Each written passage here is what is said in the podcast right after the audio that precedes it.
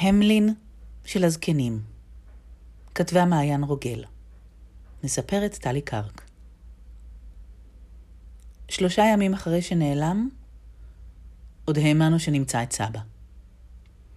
הדירה הקטנה שלו בבית האבות הייתה לבסיס האם. עשינו משמרות, הנכדים, הילדים, הכלות והחתנים. בכל פעם, שלושה או ארבעה מאיתנו. דאגתי לבוא כל יום. לכפר על כל הביקורים אצל סבא שדחיתי שוב ושוב. לא יכולתי לשאת את הדירה הזו, הדירה שאליה עבר אחרי שסבתא הלכה לעולמה. באותו בית אבות ממש. אותה קברנו, ואותו העבירו, כמו שמעבירים את כל האלמנים והאלמנות הטריים, לדירה קטנה יותר. חדר שינה, שהיה לא יותר מתא התבודדות נזירי, סלון, מרפסת שכל רוחבה שני צעדים, מטבחון ששימש רק להכנת קפה או לסידור עוגיות חמאה דניות על גבי צלחות זכוכית של פעם. לא נותרו עוד הרבה צלחות זכוכית כאלה ש... שכבר אי אפשר לקנות, רק שתיים או שלוש מסט של 24. כבר שנים שהן נשמטות ומתנפצות, קוצבות את חייו. אבל נותרו עוד, נותרו עוד שתיים שלוש. ועדיין, הנה, דירת החדר שלו ריקה, והריח שלו של טבק מקטרות מתוק, של אפטר שייב טוב של פעם, בלי כל השטויות האלה של פרחים ופירות שדוחפים היום לאפטר שייבים, ובעיקר ריח של התפוררות הגוף. רמז ריח של שתן, ריח זיעה של זקנים, הבל פה של חניכיים שלא נועדו להחזיק מעמד שנים רבות כל כך. הלך ודהה מיום ליום. ביום השלישי היה הריח נוכח רק ב... בחדר השינה שלו. לשם אף אחד מאיתנו לא רצה להיכנס. בית האבות סער. כל דירות האלמנים והאלמנות היו למפקדות משפחתיות, הומות צעירים, מודאגים, עסוקים, מדברים, מתאמים. מעולם לא היה בית האבות שוקק כל כך. ביום הראשון יכולנו לראות מי עוד דאג להיות בקשר עם זקניו, מי היו הנכדים והנכדות, הילדים והילדות המסורים מספיק, אלה שמתקשרים כל יום. הם היו אלו שביום הראשון התייצבו בבית האבות כבר לקראת הצהריים, כשהבינו שהקשר הקבוע הזה ניתק. שחסרה להם הפתיחה האיטית הזו של היום. אלו שהגיעו רק ביום השלישי, כשבית האבות עצמו התקשר אליהם, הגיעו עם הבושה מרוחה על פניהם כמו שאריות עוגת שוקולד. שאכלו בסתר. למטה, במכולת הזעירה של בית האבות, שהייתה מלאה כולה באין ספור סוגים של עוגיות יבשות טובות לטבילה בקפה או תה, אמרה מישהי את מה שחשבנו כולנו. החולצה הפרחונית שלה הייתה דקה, עדינה, נראתה כאילו היא עומדת בכל רגע להיקרע. וחשבתי כמה נכון שבאנגלית יש מילה נפרדת לחולצה של גברים וחולצה של נשים. היא אמרה, אם היו נשארים המטפלים כמו פעם, זה לא היה קורה. יומיים לפני שנעלם, באנו לחגוג לסבא יום הולדת 87. הגענו בהרכב מלא, וחשבתי, אני זוכרת שחשבתי, הנה, זה פוטר אותי מביקורים לפחות לשלושה חודשים. וידעתי שלא אבוא לפחות חצי שנה, אם לא יותר. הנינים של סבא שיחקו בדשא, שניים מהם רק למדו ללכת והיו מרוכזים כל כולם בתרגול, ולכן סחבו את הוריהם מפינה לפינה, בהידוס מאושר ולא יציב.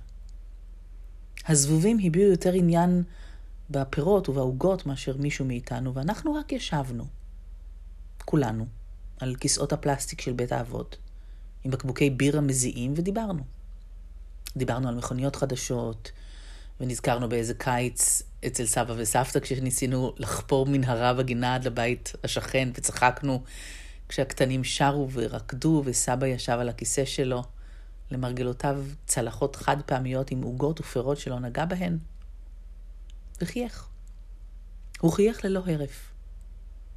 אבל לא אלינו. הראש שלו נטה הצידה בכל פעם שהאזין למה שלחשה לו האוזנייה הזעירה באוזנו. ודיבר בקול שקט שקט כשענה אל המיקרופון הקטנטן המוצמד לצווארון החולצה, כמו לוחש לחש קסמים. אני לא אוהבת את זה, אמא שלי אמרה. אני רוצה לשמוע מה זה אומר לו, המטפל הווירטואלי הזה שלו. אני לא אוהבת את זה בכלל. גם כן רעיון מטומטם. תביאי רגע לשמוע. אחי הספק ביקש כשכבר שלף לסבא את האוזנייה מהאוזן, אבל המטפל הווירטואלי של סבא השתתק. העברנו את האוזנייה הזעירה מאחד לשני.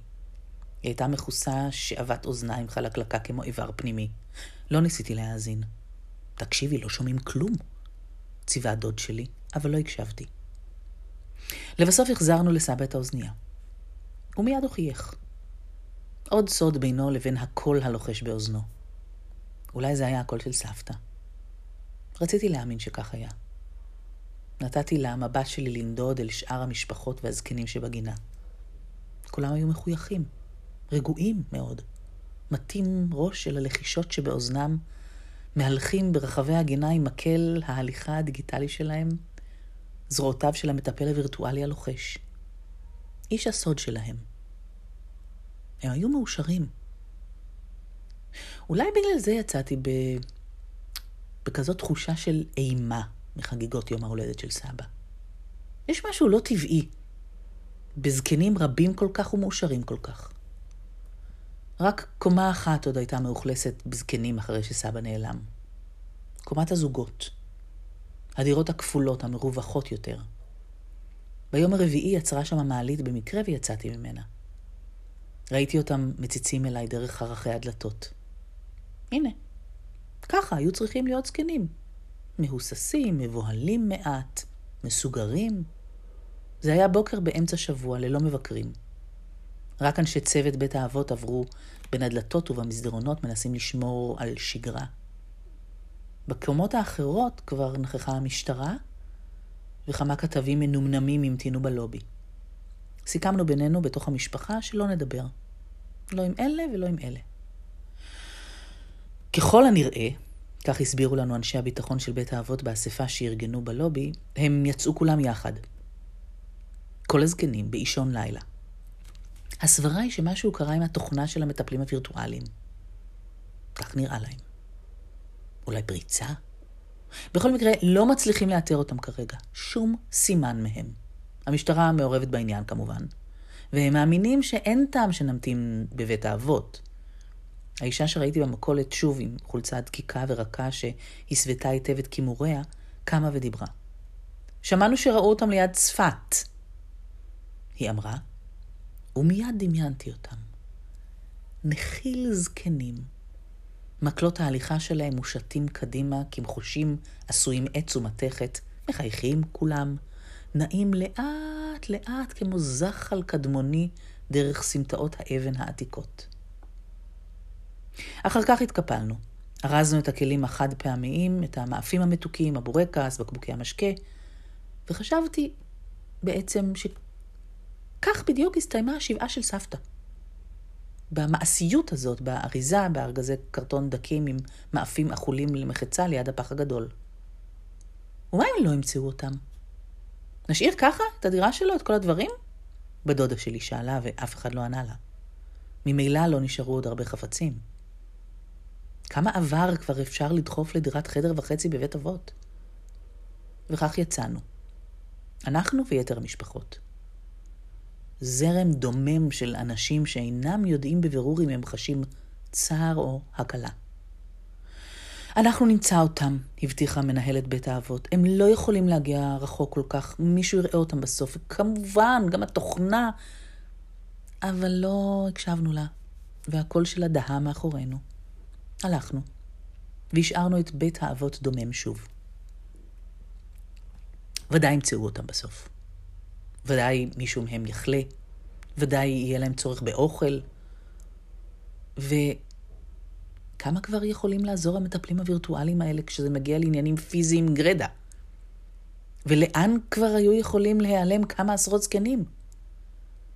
ובו בזמן חשבתי שוודאי לא ימצאו אותם. ובסוף יקראו לנו אל הדירה של סבא לקחת את הארגזים הבודדים של חפציו. וישכנו שם זקנים חדשים, אלמנים ואלמנות טריים עם קול מתוק שלוחש להם באוזן. או אולי יוותרו על הניסוי ויחזירו את המטפלים הפיליפינים היקרים, עם השפה שלהם שמהדהדת במקום ששתיקת הזקנים נוכחת כל כך. וכל הדרך הביתה חשבתי על סבא. בתוך להק הזקנים האבודים, מחייך, הולך לאט, ומקשיב לקול של סבתא לוחש לו באוזן באהבה ורקות ששמרה תמיד רק לו. עוד מעט, ינקל. תכף מגיעים.